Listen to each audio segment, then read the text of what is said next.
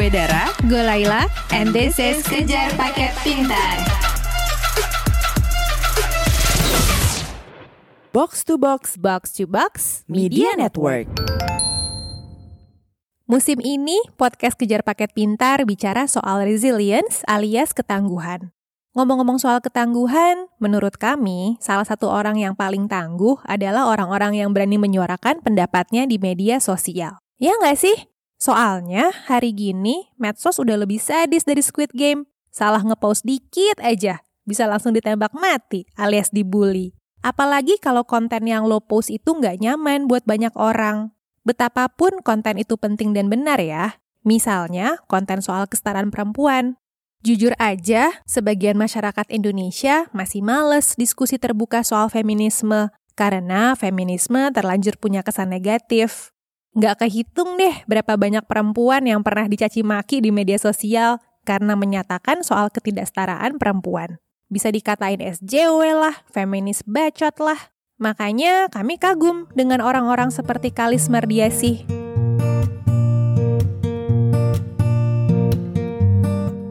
Kalau lo rajin scrolling media sosial, kemungkinan besar lo pernah tanda kutip papasan dengan Kalis Mardiasih. Di medsos, Kali sering nulis hal-hal yang kritis, lucu, sekaligus membumi, khususnya tentang isu-isu kesetaraan gender.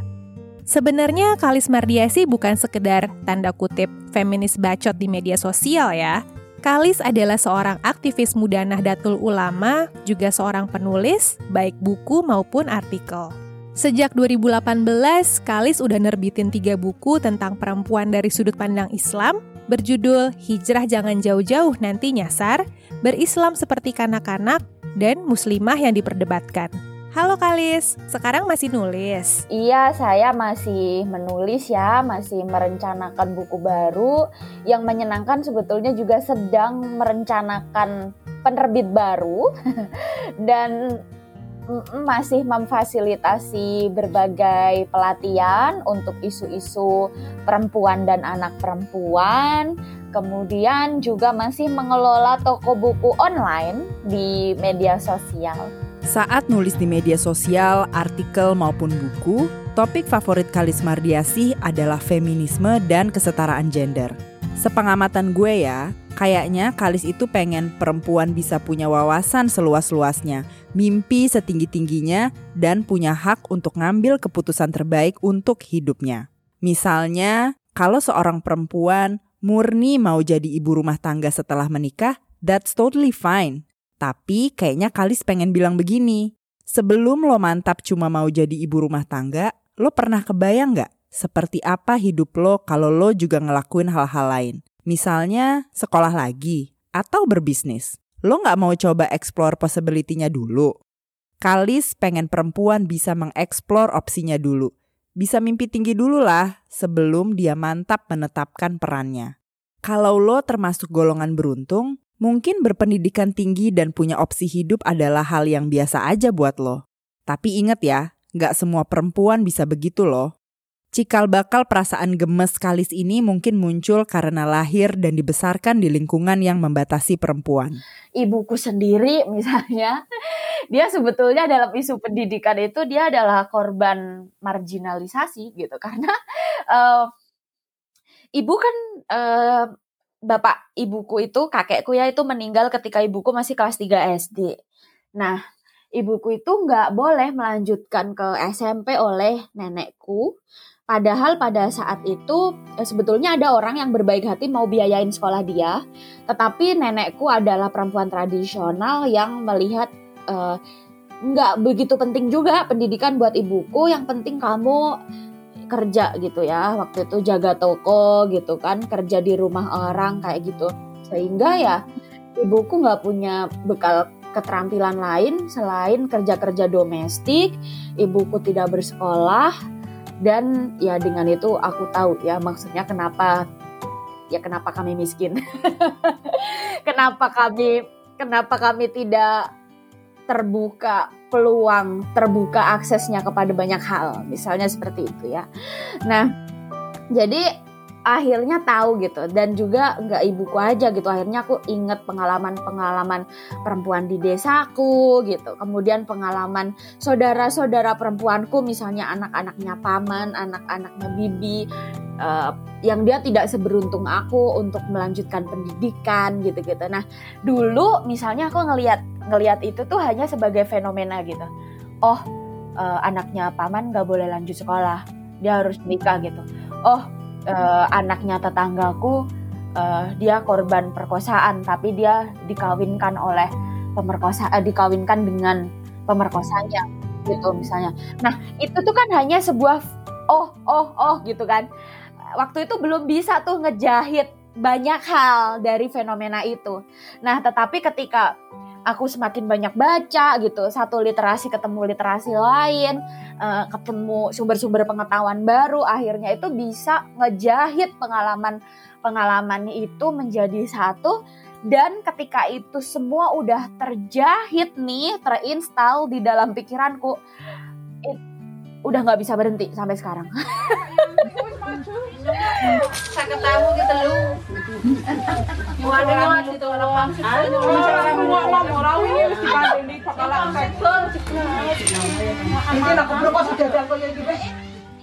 Kalis bilang dulu dia nggak nyadar bahwa ibu atau perempuan-perempuan di desanya itu sebenarnya termarginalisasi karena dia belum banyak baca.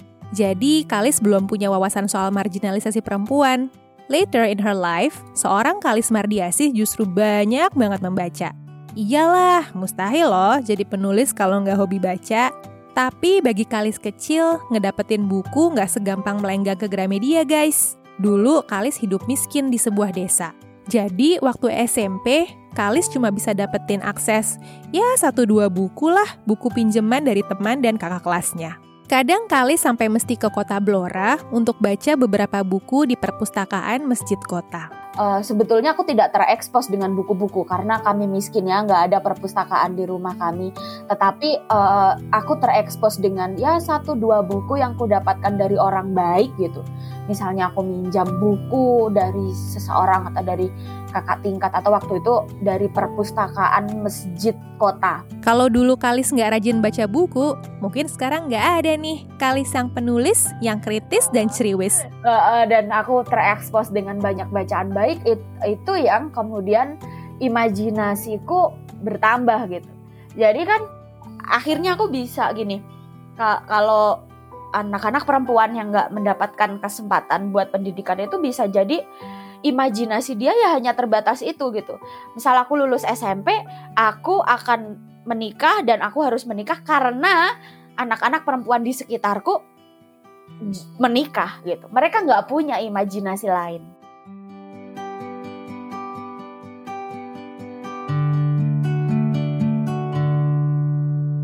Dengan keterbatasan akses dan ekonomi, Kalis berhasil masuk perguruan tinggi negeri Universitas 11 Maret Surakarta, jurusan pendidikan bahasa Inggris. Aku dulu uh, masuk ke kampus itu lewat pinjaman dari organisasi kakak tingkat. Itu saking gak ada uangnya. Terus karena aku udah waktu itu udah bayar uang pangkal, akhirnya udah masuk gitu kan. Nah, bapak aku tuh cuma modalin aku satu sepeda motor gitu karena dia bilang e, uh, bapak nggak bisa ngasih uang saku bulanan gitu. Tapi ini sepeda motor dan itu sebetulnya satu-satunya gitu yang kita punya. Jadi uh, sepeda motornya dibawa ke Solo gitu karena kamu kalau ada sepeda motor kamu bisa ngajar les bahasa Inggris gitu kan. Dan kamu bisa melakukan banyak hal yang produktif sehingga mungkin kamu bisa bertahan hidup dengan lebih baik di Solo gitu. Kalis nggak malu mengakui bahwa dia datang dari keluarga miskin karena Kalis bangga dengan kedua orang tuanya yang adalah pekerja keras dan nyaris nggak pernah mengeluh. Jadi bapak itu di rumah kan dia sebetulnya bukan orang kaya gitu, tetapi dia dia tuh bikin musola di rumah kami gitu. Nah, ketika aku tanya kenapa Pak uh, bikin musola gitu, uh, dibandingkan dengan misalnya memperbagus rumahku yang eh, nggak bagus-bagus amat itu gitu. Kenapa kamu malah justru bikin musola gitu? Nah ketika itu uh, dia menjawab ya dia pengen memberi pendidikan buat anak-anak di sekitar rumah gitu ya di desa kami gitu dan dia mengajar sudah uh, puluhan tahun gitu yang ngajar ngaji tapi tentu saja di sela-sela ngajar Al-Qur'an itu kan ya pasti ada uh, pengajaran-pengajaran yang lain gitu ya. Dan dia nggak dibayar gitu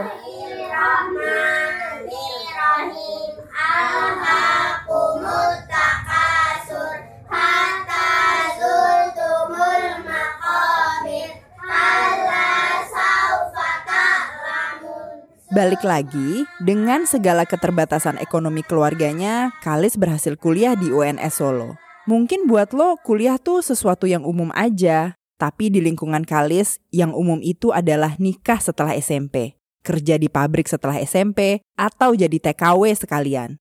That is the normal thing to do, dan Kalis ingin mendobrak itu. Dengan menjadi mahasiswa, Kalis juga menjadi outlier di lingkungannya. Tapi Kalis nggak pengen maju sendiri, ke depannya Kalis juga jadi agent of change untuk keluarganya. Iya, udah uh, banyak sih sebetulnya yang aku aku jadi advocates untuk women's rights itu sekarang sejak dari keluarga gitu untuk bayarin bayarin SPP-nya ponakan-ponakan gitu, support mereka buku, buku nggak hanya buku pelajaran tapi misalnya uh, buku-buku sastra, buku-buku yang bisa mengubah pemikiran mereka karena dulu uh, kalau misalnya aku meruntut dari pengalamanku, uh, sebetulnya aku tidak terekspos dengan buku-buku karena kami miskin ya, nggak ada perpustakaan di rumah kami. Balik kalau di dalam misal, misal kalau perempuan kan setelah menstruasi pertama dia sudah dianggap balik.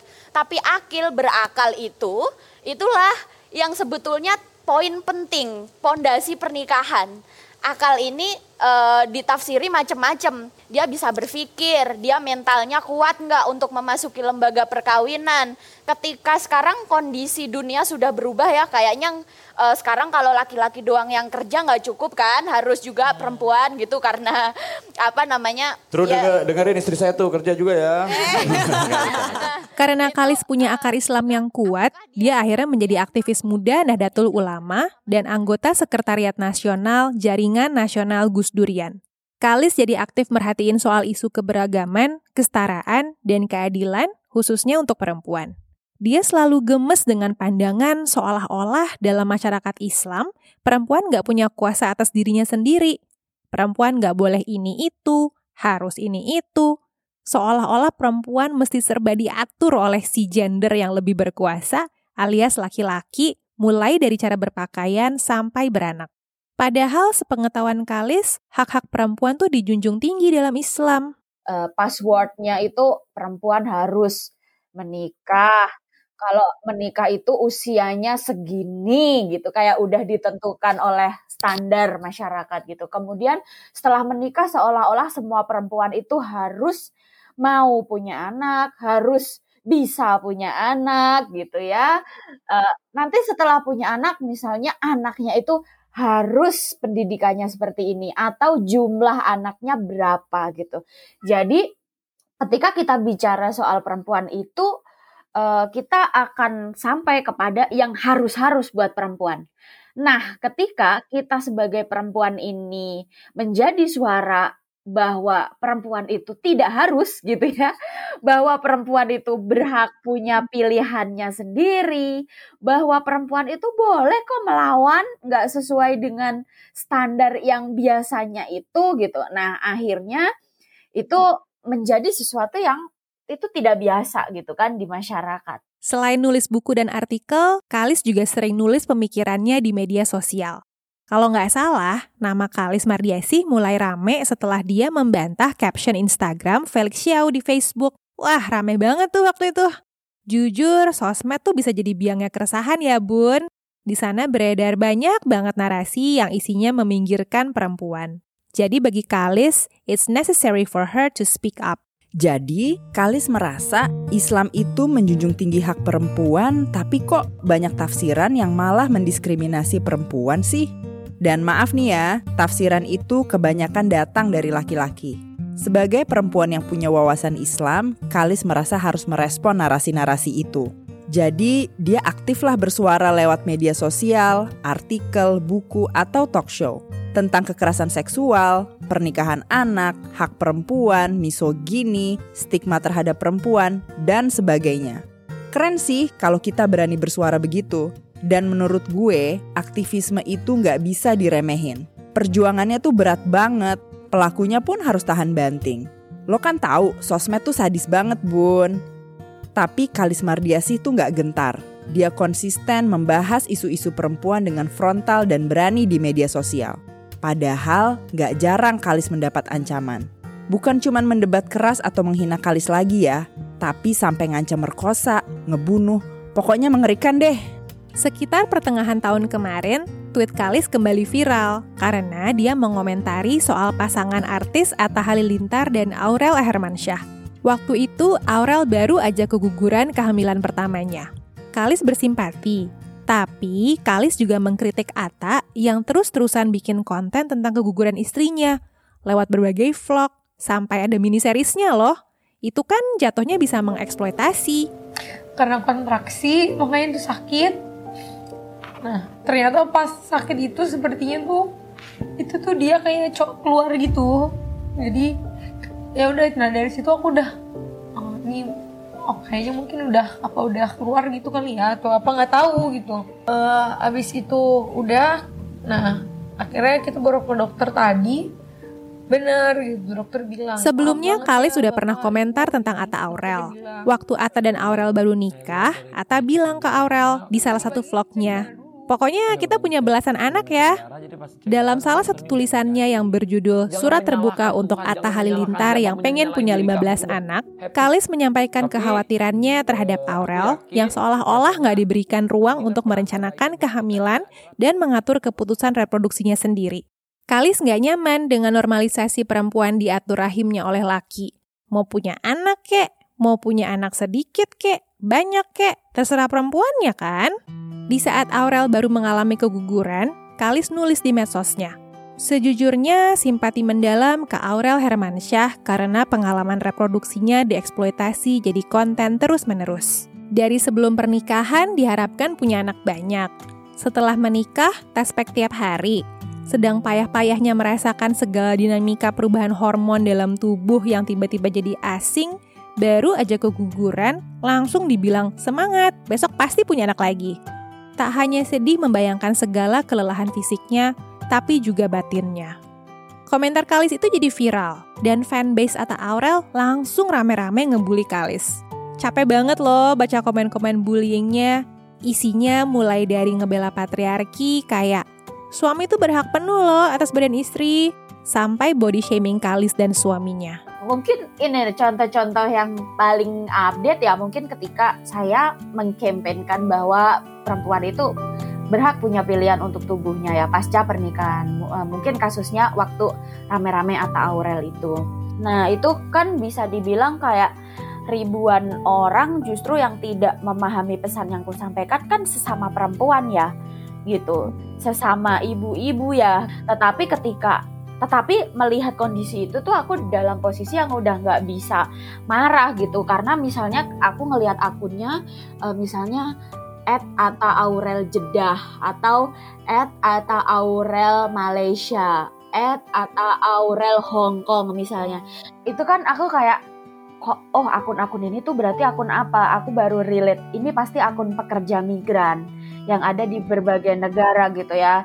Eh, di Arab Saudi di eh, Malaysia, di Hong Kong gitu. Dan mereka adalah perempuan-perempuan pejuang juga gitu. Jadi mereka pekerja migran yang ada di luar negeri kan eh, mereka perempuan eh, kepala keluarga, mereka bisa jadi ibu tunggal gitu.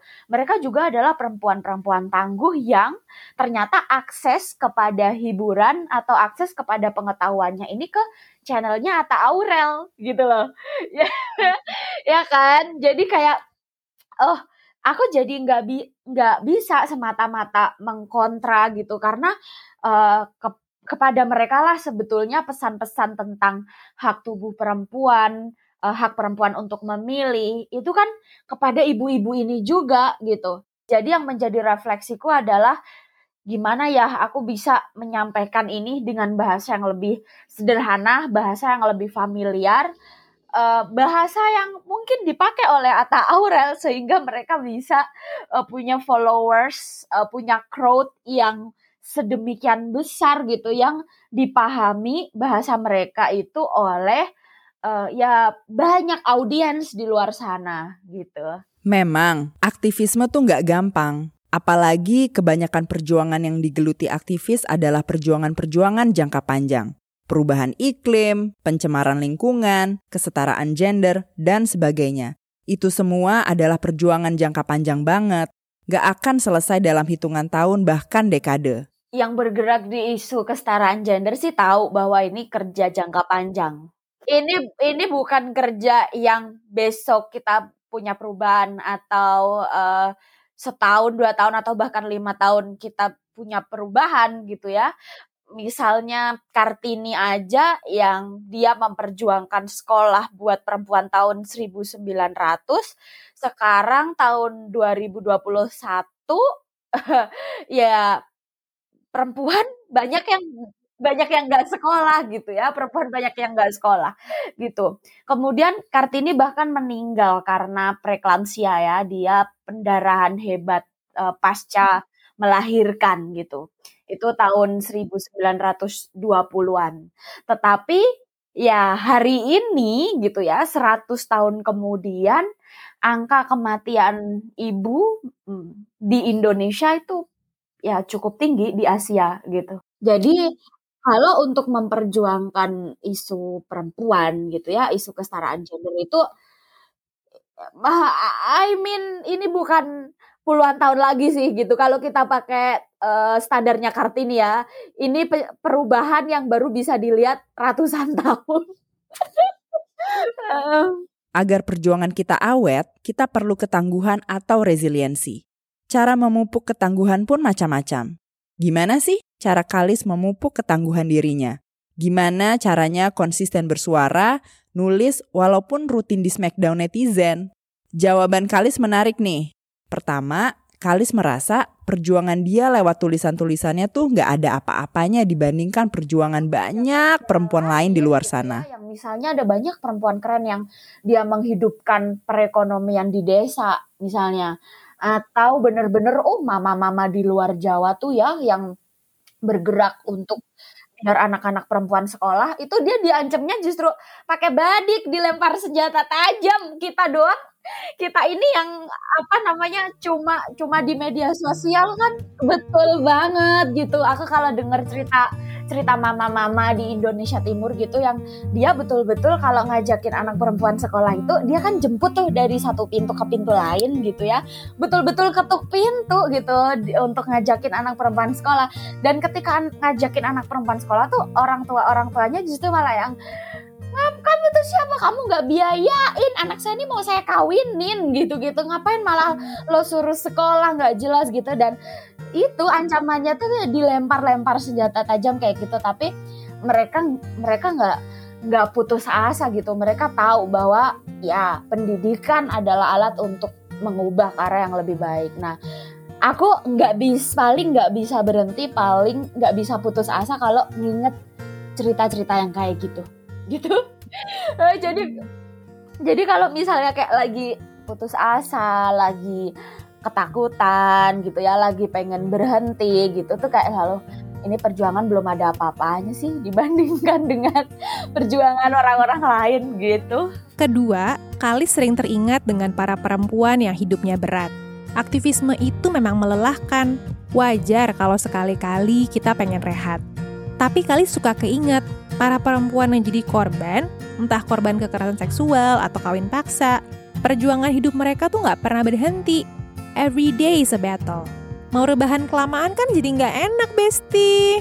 Dan juga gini, uh, aku berhenti gitu ya, tapi korban kekerasan seksual ini hidupnya udah selesai dari kemarin, gitu loh. Gitu. Kalau misalnya uh, aku berhenti nih, nggak nggak nggak nggak menyuarakan pendidikan buat anak perempuan gitu, atau menolak uh, perkawinan anak gitu ya, ada programnya pencegahan perkawinan anak tapi gitu ya anak-anak yang kemudian nggak sekolah kemudian dipaksa kawin gitu hidupnya udah selesai di situ doang gitu loh jadi menyadari itu aja sih kayak kerja-kerja kita tuh masih panjang gitu. Ketiga, Kalis juga mengingatkan dirinya bahwa dia cuma melanjutkan kerja para pahlawan zaman dulu kok. Ibarat kata udah ada trailblazernya gitu. Jadi, Kalis nggak harus jadi pelopor alias buka lahan feminisme di Indonesia. Karena jadi pelopor itu capek banget loh. Kalau aku ngelihat gini, uh, kita sebetulnya ini hanya melanjutkan kerja-kerja dari perempuan-perempuan keren yang sudah mengawali perubahan di masa lalu gitu ya dari dari 100 tahun lalu gitu kalau kita pakai ukurannya Kartini misalnya. Nah, e, dari 20 tahun lalu juga ada perempuan keren gitu ya. Sebetulnya kita ini lagi melanjutkan kerja aja. Yang penting, Kalis harus sadar akan kapasitasnya. Karena kapasitasnya dinulis, maka Kalis akan berjuang lewat tulisan dan kita melanjutkan uh, kerja yang kita bisa sesuai dengan peran-peran yang di mana kamu optimal di situ gitu. Jadi aku optimalnya kan di nulis, aku optimalnya di bicara misalnya gitu. Keempat, untuk jadi tangguh kita perlu support system. Untungnya, support system Kalis datang dari berbagai arah. Dari suaminya, dari para pembacanya, dan dari followersnya. Ada followernya yang bilang karena konten Kalis, dia jadi punya pandangan baru dan merasa nggak sendirian. Bagi mereka, konten Kalis tuh jadi support system mereka. Sebaliknya, dukungan mereka pun jadi support system Kalis. Tapi bagi Kalis, support sistemnya yang terpenting adalah bapaknya. Bapak adalah apa ya support system terbaik yang aku punya. Kayaknya aku nggak pernah dicintai orang lebih luas dan lebih banyak daripada cinta yang diberikan Bapak kepadaku gitu ya. Dan aku merasa juga nggak pernah jatuh cinta sebesar dan sedalam dibanding aku jatuh cinta kepada bapakku. Dia kayaknya orang yang paling yakin kalau aku bisa membuat keputusan-keputusan paling tepat dan keputusan-keputusan terbaik dalam hidupku gitu dan dia selalu nggak pernah meragukanku dia selalu mendukung apa pun yang aku kerjakan gitu ya terakhir Kalis bisa punya ketangguhan tinggi untuk terus bersuara karena dia mencintai yang dia kerjakan. Dia udah nemu purpose dalam hidupnya dengan cara yang cocok untuknya. Dan hal ini juga dipesankan oleh Kalis Mardiasi untuk kita semua. Selamat berproses menemukan hal-hal yang bikin kamu sangat mencintai sebuah pekerjaan atau sebuah misi kehidupan sampai bikin kamu bener-bener gak bisa berhenti gitu. Karena uh, apa ya itulah yang membuat hidup kita tetap menyala gitu. Uh, memperjuangkan sesuatu yang kita cintai memperjuangkan kebenaran yang kita yakini itu adalah daya hidup yang paling penting. Kejar Paket Pintar diproduseri oleh Laila Ahmad, Dara Hanafi, dan Tria Ningsih. Support kami dengan follow dan like semua akun podcast dan media sosial Kejar Paket Pintar. Jangan lupa dengerin episode-episode lain dan share ke teman-teman kamu ya. Gue Laila, gue Dara, dan ini adalah Kejar Paket Pintar.